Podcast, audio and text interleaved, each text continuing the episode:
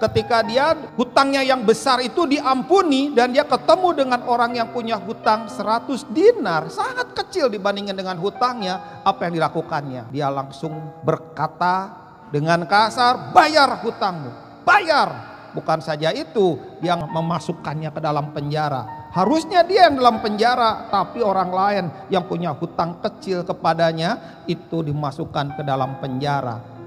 Gak banyak orang ketemu dengan belas kasihan. Harusnya gereja Tuhan juga sama. Gereja Tuhan, kalau gereja Tuhan itu penuh dengan belas kasihan. Orang yang berdosa, orang yang punya kesalahan itu bukan menjadi tempat cemoohan atau disingkirkan mereka justru dirangkul. Kenapa? Karena gereja itu penuh dengan belas kasihan.